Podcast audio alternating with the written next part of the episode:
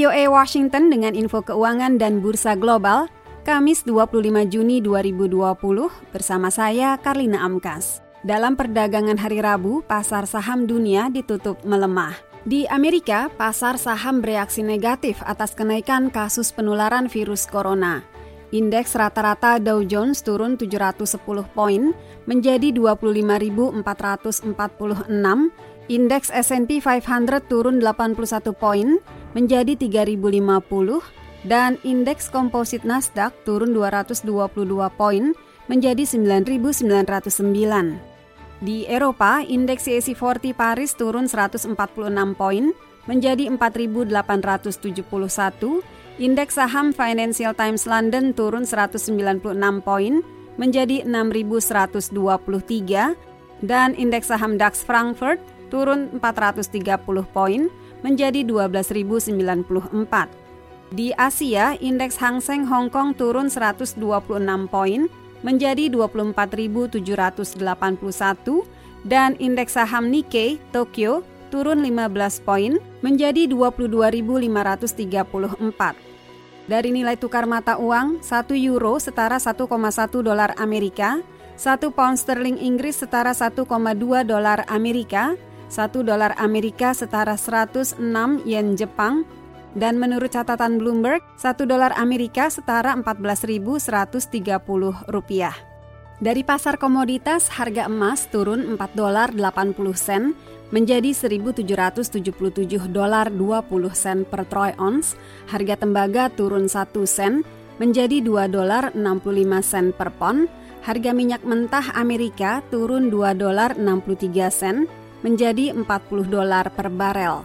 Harga kakao atau biji coklat naik 16 dolar menjadi 2.306 dolar per ton. Dan harga kopi turun tipis menjadi 98 sen per pon. The Voice of America. Pandemi global virus corona memicu krisis ekonomi, menyebabkan PDB dunia turun 4,9 persen tahun ini dan akan mengakibatkan kerugian 12 triliun dolar dalam dua tahun ke depan, kata Dana Moneter Internasional IMF hari Rabu.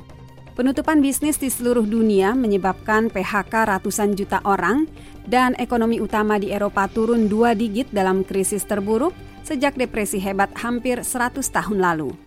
Prospek pemulihan pasca pandemi syarat ketidakpastian karena penularan virus yang tidak terduga, kata IMF dalam laporan World Economic Outlook yang diperbarui. IMF memperingatkan pandemi COVID-19 lebih berdampak negatif terhadap aktivitas dalam paruh pertama tahun 2020 dan pemulihan diproyeksikan lebih lambat dari perkiraan sebelumnya. Sementara bisnis dibuka kembali di banyak negara dan Tiongkok mengalami peningkatan aktivitas yang lebih besar dari perkiraan, gelombang kedua penularan virus mengancam kondisi ekonomi, kata laporan itu.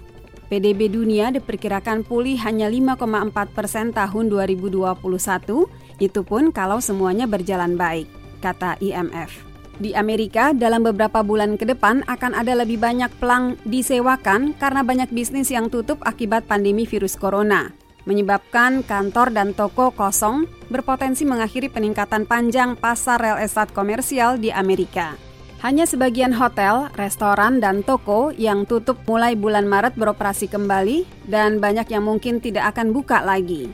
Pemilik lahan-lahan komersial melaporkan semakin banyak penyewa telat membayar mereka memperkirakan akan semakin banyak toko kosong sampai akhir tahun. Selain itu, ada dua kecenderungan yang memperburuk situasi. Penyewaan ruang kantor semakin kecil karena banyak karyawan bekerja dari rumah, dan semakin banyak orang belanja online, sehingga ruang retail semakin kecil di wilayah pusat kota dan mall. Ruang-ruang komersial yang kosong menandai perubahan tajam pasar real estate yang meningkat pesat di New York, Chicago, dan kota-kota lain dalam beberapa tahun ini. Wabah virus mendorong bisnis apa pun cenderung simpel dan nyaman daripada gengsi dengan alamat di kota besar. Efeknya sangat merugikan bagi pemilik ruang sewa dan ekonomi lokal. Pasar real estate komersial yang lemah bisa berarti PHK bagi sekitar 3,6 juta pekerja dan di perusahaan penyedia barang dan jasa untuk perusahaan real estate. Selain itu, pasar yang lemah tidak menarik investor, sehingga membatasi kegiatan konstruksi. Demikian berita-berita ekonomi dan keuangan. Kirimkan komentar atau tanggapan atas info ekonomi ini melalui email ke voaindonesia at voanews.com. Saya Karina Amkas. The voice of a man.